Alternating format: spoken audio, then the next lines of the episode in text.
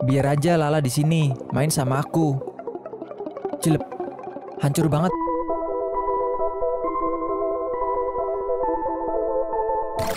Selamat malam, selamat siang, atau selamat pagi. Balik lagi bersama mahasiswa siluman. Kali ini, yang dialami oleh seorang pendaki, sebut saja Lala. Di mana dia diculik jin gunung tersebut dan hampir menjadi penghuni alam gaib Gunung Kerinci. Lala juga terkenal dengan kepekaannya terhadap hal-hal gaib. Bahkan, dia punya teman gaib berwujud anak-anak yang selalu menemani dia. Jadi bagaimana kisah lengkapnya yang dialami oleh Lala saat mendaki Gunung Kerinci? Kita langsung saja ke cerita. Tapi sebelum itu, jangan lupa untuk subscribe dulu channel ini dan aktifkan tombol notifikasinya agar tidak ketinggalan video-video terbaru dari kami. Siapkan tempat dan posisi yang nyaman dan selamat mendengarkan. Kejadian ini terjadi pada bulan Desember 2018. Dikarenakan libur tahun baru, jadi kami memutuskan untuk mendaki Gunung Kerinci. Semua persiapan hanya dilakukan tiga hari. Semua terasa mendadak, dan ini pun tergolong nekat karena kami tidak mempersiapkan latihan fisik terlebih dahulu. Tentunya kami tidak sendiri.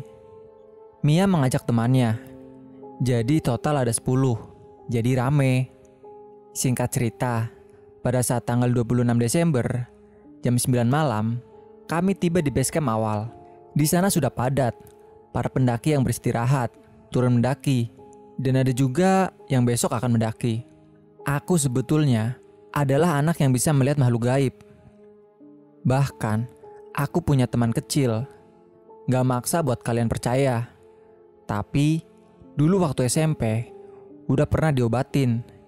Tapi makin besar, dan saat kuliah, udah bisa lihat lagi. Walaupun gak sesering dulu. Jadi malam itu, aku lagi bantu temenku, Mia yang sedang masak. Karena sama temen yang lain belum kenal, jadi aku cuma masak berdua dengan Mia.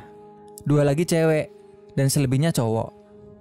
Tiba-tiba, saat masak, aku melihat bayangan hitam keluar dari kamar mandi. Gak jauh dari kompor tempat kita. Kaget dikit sih. Terus, tiba-tiba dia hilang gitu aja.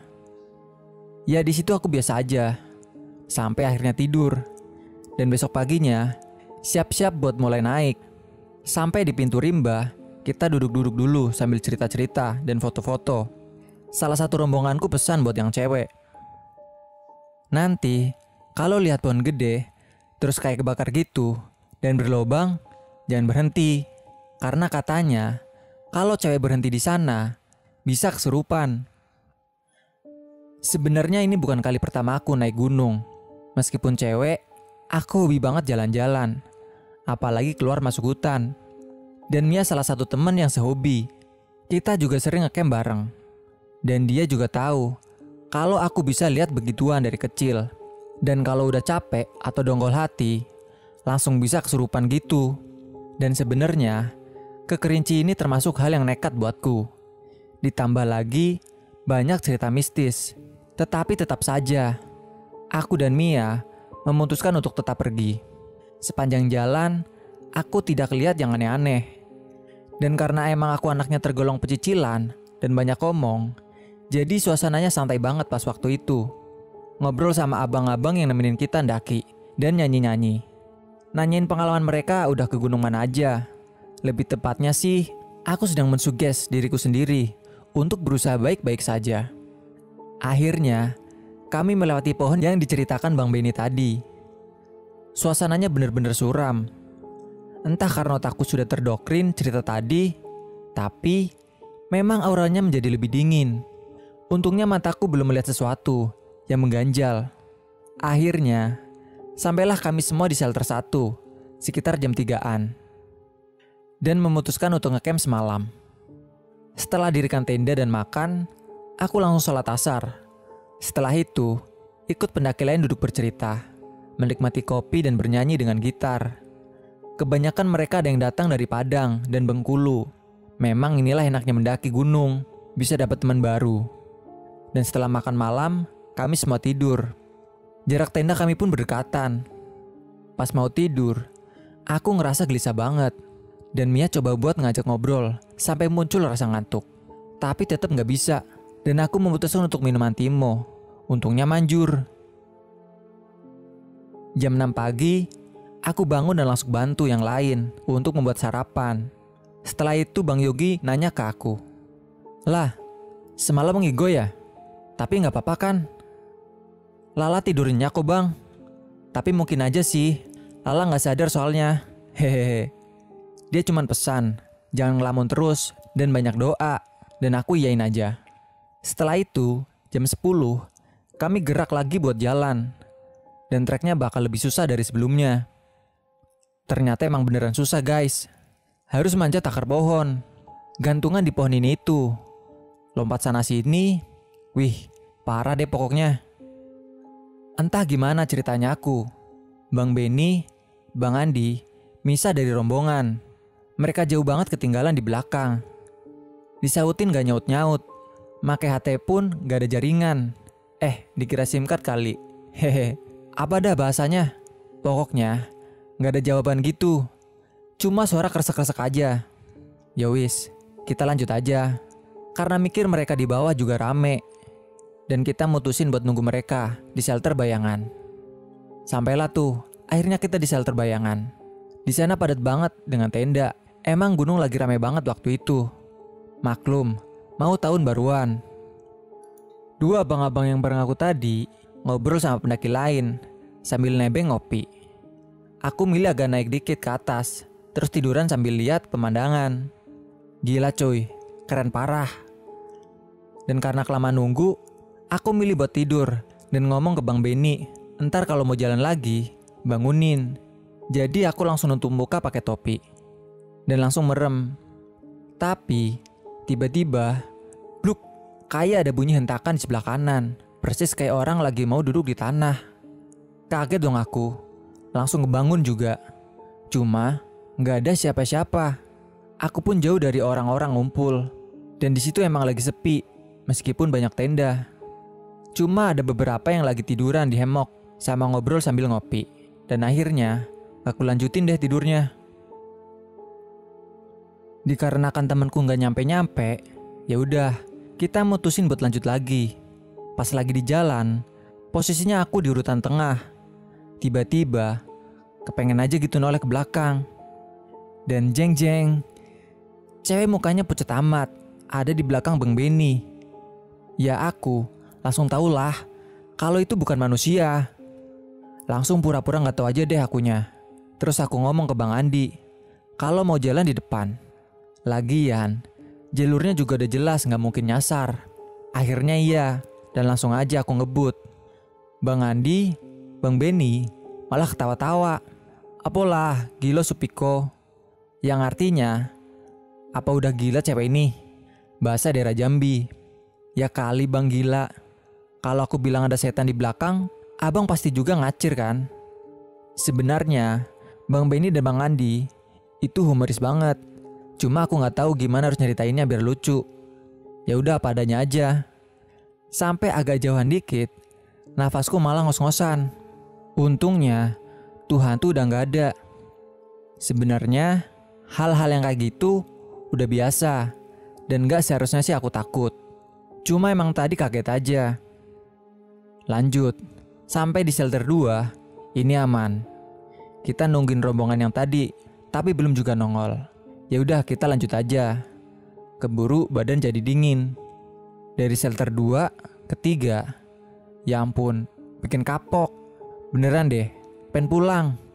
Pen jadi cewek baik-baik yang hobinya masak di dapur. Tapi dengan perjuangan, akhirnya sekitar jam 2 siang, kami bertiga sampai di shelter 3. Langsung dirin tenda dan bikin mie buat makan siang. Karena bosan, aku jalan-jalan ke tenda lain dan kebetulan ketemu dari Jambi juga. Terus ngopi di sana dan ngobrol sampai jam 5. Matahari udah hampir mau tenggelam, tapi masih terang. Cuma emang bagus banget pemandangannya. Dan aku pamit sama temanku untuk balik ke tendaku. Pas sampai, ternyata rombonganku yang tadi udah sampai dan baru selesai pasang tenda. Pas ditanyain kenapa bisa lama, katanya mereka banyak istirahatnya. Maklum, banyak ceweknya. Jadi yang cowok jadi ngibangin. Kalau aku, memang bener-bener ngikut Bang Benny, Bang Andi. Makanya cepet. Emang gak santuy mereka berdua tuh.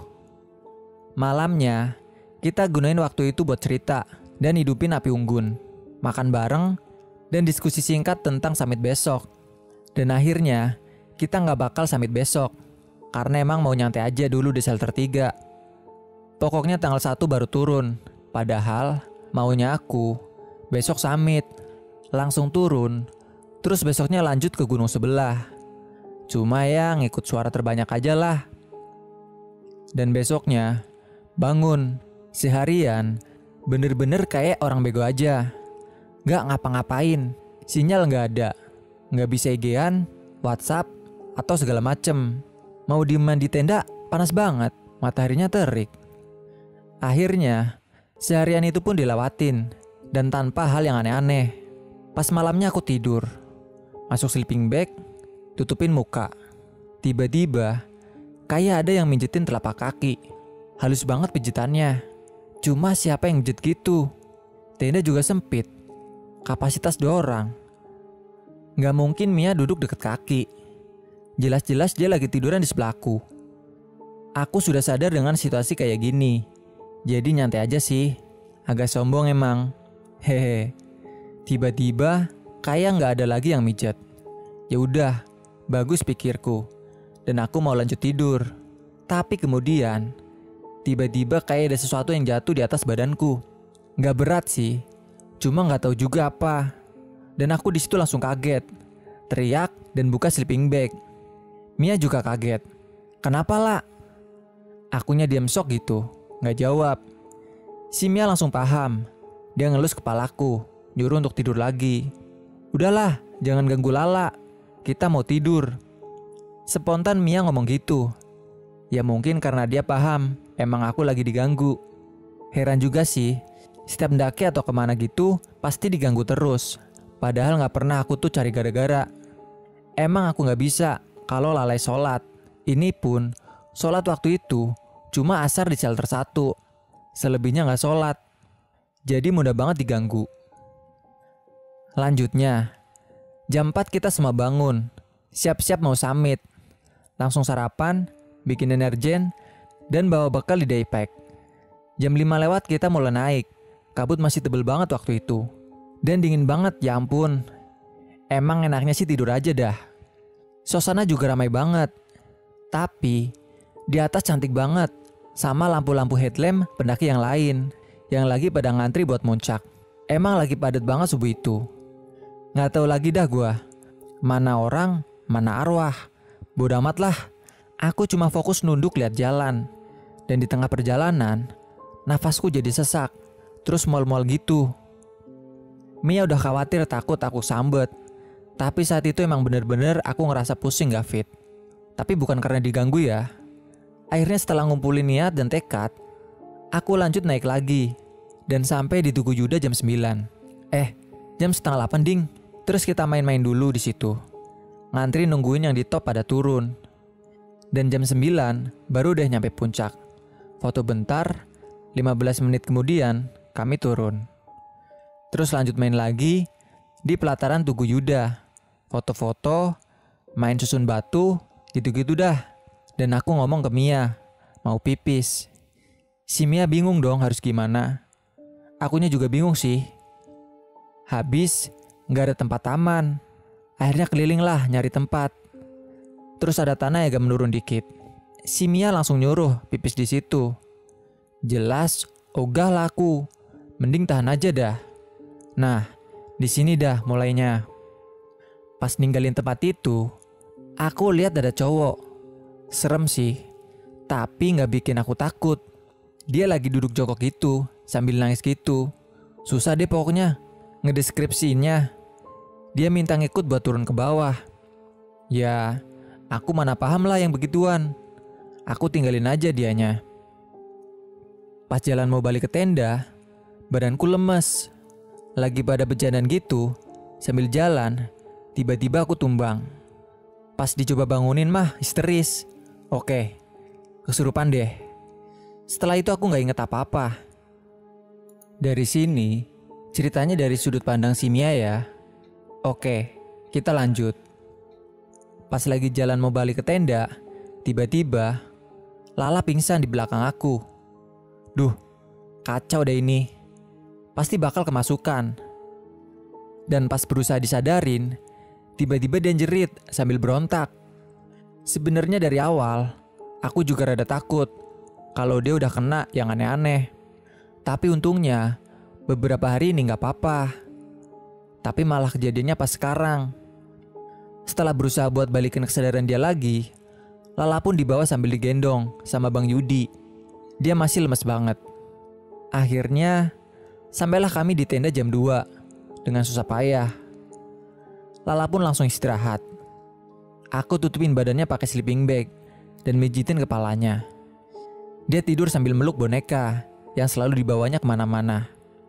Ngeliat kondisi Lala yang kayak gini, sih udah biasa. Dia emang peka banget sama hal-hal mistis. Ditambah, dia punya temen dari dunia lain gitu. Sekitaran jam 6 sore, kami berdua bangun. Aku gak sadar ikutan tidur di samping Lala. Dan setelah itu aku langsung makan. Kebetulan, udah disiapin sama temen-temenku. Untungnya si Lala gak rewel dan mau makan. Diajakin bercanda, juga mau ketawa. Agak lega sih. Eh, tiba-tiba dia kumat lagi. Dia teriak-teriak gak jelas. Pada panik dong kita. Yang lain pada megangin badannya. Kita yang gak ngerti apa-apa, cuma bisa ngomong. Lah, ngucap lah, sadar. Itu doang. Untungnya ada pendaki lain yang ngerti masalah ginian dan bantu kita.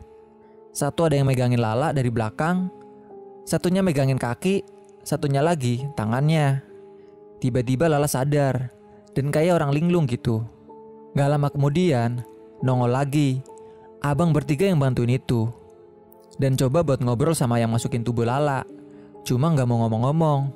Akhirnya salah satu dari mereka nanyain, Lala udah biasa gini atau baru pertama kali? Aku ceritain deh semua kejadian yang aneh yang pernah dialamin kalau lagi sama aku.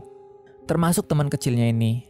Sampai cerita kalau Lala itu udah diobatin, tapi masih juga bisa ngeliat. Dan ini abang-abang coba buat nutup mata batin si Lala lagi. Dan Lalanya Ya kayak biasa aja gitu. Antara mau ketawa sama takut. Ekspresinya nyebelin banget. Ditanya ini itu dia cuek aja. Sampai akhirnya salah satu dari tiga orang abang ini bilang kalau Lala ini istimewa dan bukan anak-anak sembarangan. Nggak paham lah aku maksudnya. Tergolong jenis gitu. Dan bukan anak sembarangan yang punya kemampuan begini. Emang iya sih, dia anaknya rada kritis dan serba pengen tahu. Beda lah pokoknya. Dan mereka nggak bisa bantu buat bikin Lala jadi anak normal. Selagi Lala bisa ngedalain dirinya, ya kayaknya sih nggak apa-apa lah. Dia juga alhamdulillah rajin sholat. Terus, si Lala masih berlanjut kesurupannya. Entah gimana ceritanya, mereka-mereka pada jadi salah paham sama teman kecilnya si Lala. Dibuanglah si setan ini. Emang efek, Lala jadi sadar. Eh, tiba-tiba nangis manggil nama temennya. Gila, sedih banget aku waktu itu lihat dia. Jadi tiga orang ini ngebuang teman kecilnya. Maksudnya biar nggak lengket lagi sama Lala. Lala sadar dan nangis histeris. Dia sampai mohon-mohon gitu minta balikin temennya.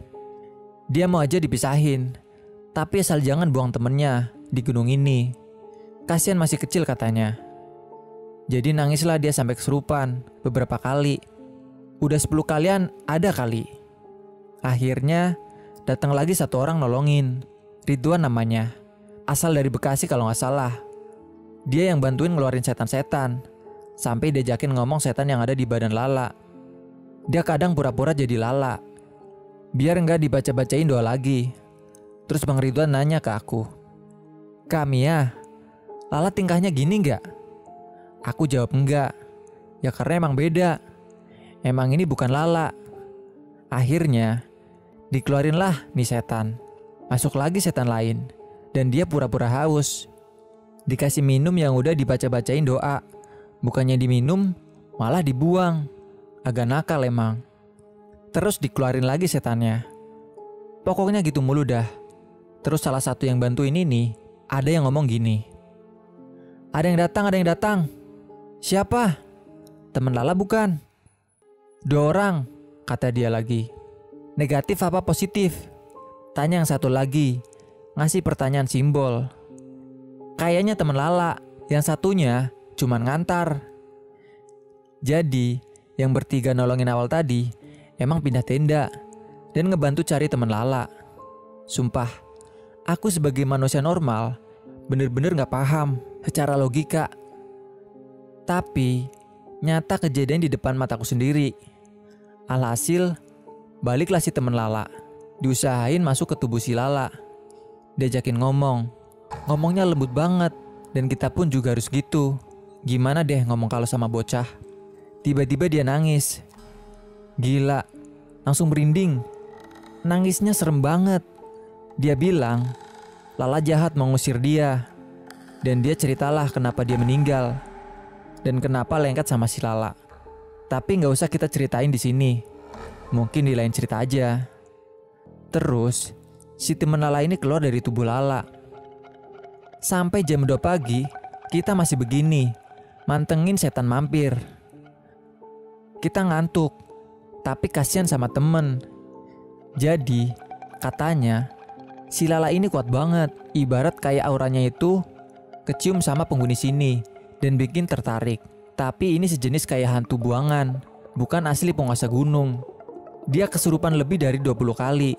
Sampai lemas banget badannya dan pucat. Ngeri aku liatnya. Aku takut banget nih anak mati di gunung. Malah, pergi daki nggak izin. Kalau izin sih, mana dibolehin. Dia bilangnya praktikum. Kualat emang ini anak.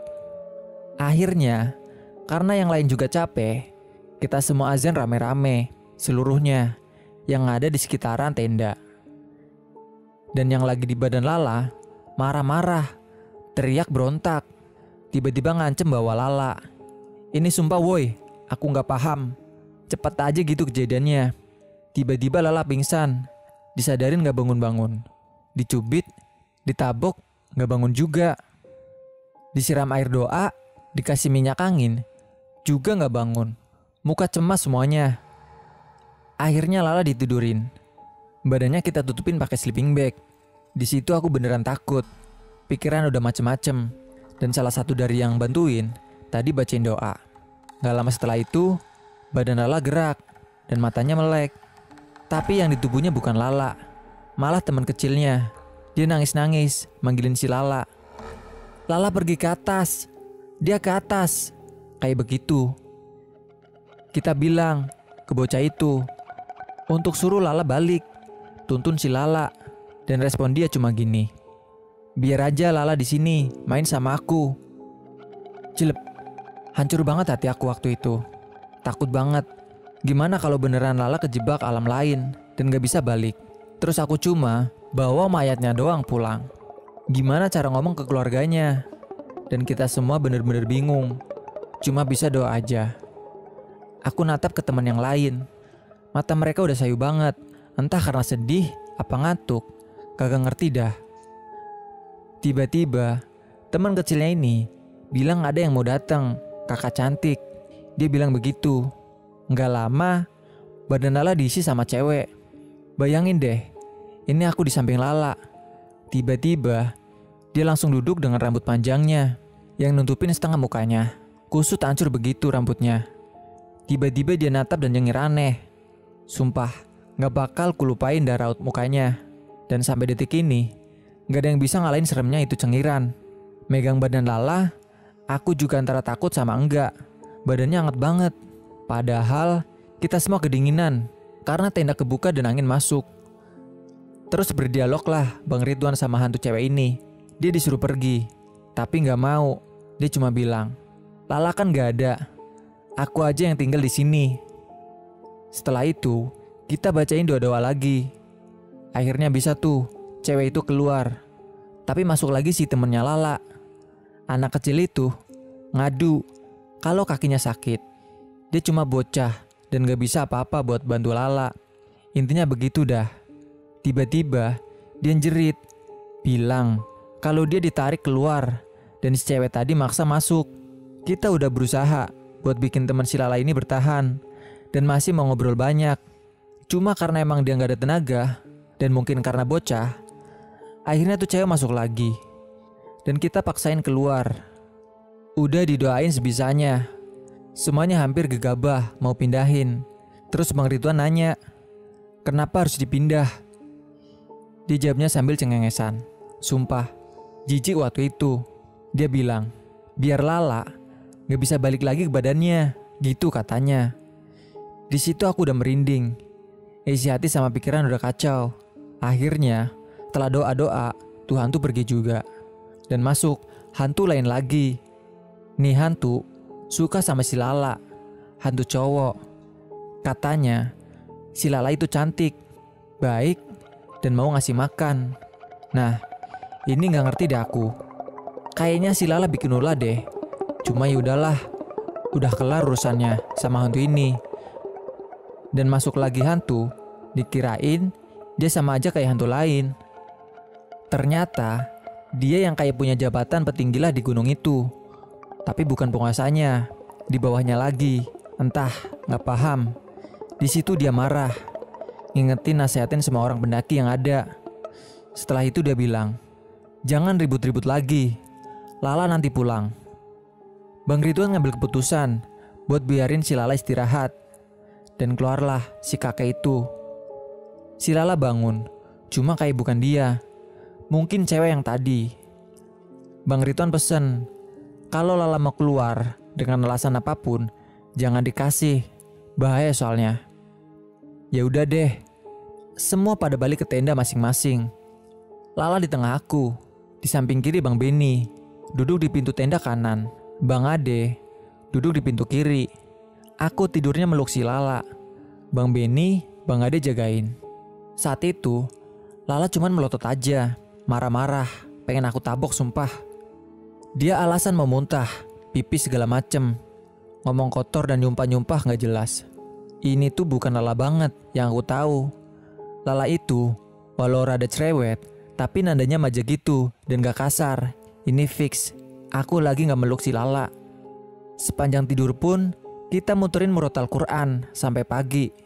Terus sekitar jam 5an, Bang Ridwan nyamperin tenda dan nanyain. Tapi si Lala masih sama. Bang Ridwan bilang, ya udah, tunggu sampai matahari terbit aja. Dan pas jam 7, Udah terang. Si Lala bangun. Itu aku lagi masak nasi di dalam tenda. Terus kaget aku. Aku liatin aja dan gak berani gerak. Takut bukan si Lala. Eh, tapi dia langsung ngomong. Mia, Lala capek. Sambil nangis dan dengan intonasi ciri khas dia. Oke, ini udah jelas Lala.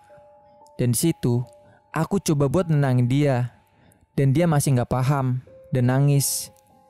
Akhirnya aku bikin tenang dan nyuruh dia makan. Setelah itu, dia normal lagi dan keluar tenda buat nyari udara segar. Semua pendaki yang ada malah negur dia. Kak Lala udah sehat. Wih, Kak Lala udah bangun ya? Dianya bingung dan cuma senyum-senyum gak jelas. Dia langsung masuk ke tenda dan nanyain, Semalam Lala kenapa? Semalam Lala tidur dan kami semua ngumpul di sini tahun baruan. Untungnya, dia nggak banyak tanya lagi, walau mungkin dia tahu aku bohong. Jam 10, kami semua selesai packing dan langsung buru-buru untuk turun.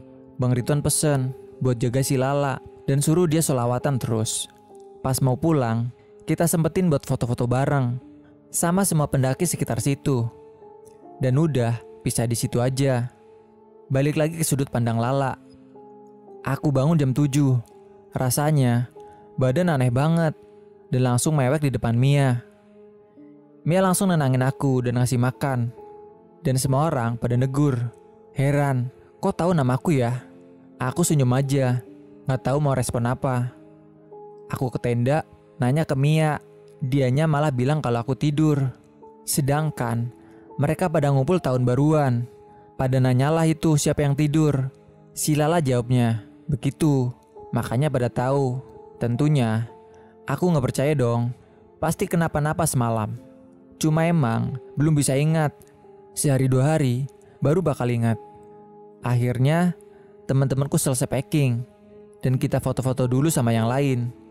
Habis itu baru turun.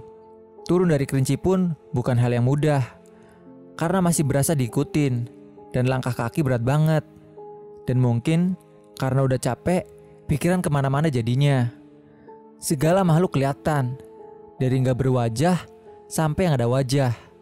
Dari hancur sampai cantik dan cakep ada semua. Pas di pohon bolong juga kelihatan cewek lagi. Merengkul di dalam lubangnya. Sumpah, serem banget. Tapi aku coba kuat-kuatin. Pokoknya harus selamat sampai rumah. Malah, pas aku udah sampai di base camp, dapat cerita ada cewek serupan di shelter bayangan minta kambing. Karena ini emang udah masuk tahun baru katanya. Emang ada ritual ngasih gitu. Bisa jadi hantunya marah. Cuma, maaf deh, ini agak kurang tahu. Takut salah info juga. Soalnya dapat dari narasumber yang gak pasti. Untuk cerita pas arwah aku pergi, maaf banget ya, aku gak bisa ceritain. Intinya kita punya teman iman dan mesti lebih percaya sama yang di atas. Next time, mungkin aku bakal cerita tentang sahabat kecilku ini. Terima kasih, selamat malam. Jika kalian punya cerita seram atau mistis yang ingin kalian bagi, kalian bisa kirim cerita kalian melalui DM Instagram atau kirim melalui email yang tertera di bawah. Jangan lupa like dan share-nya. Sampai jumpa di video kami selanjutnya. Salam lestari, mahasiswa, siluman.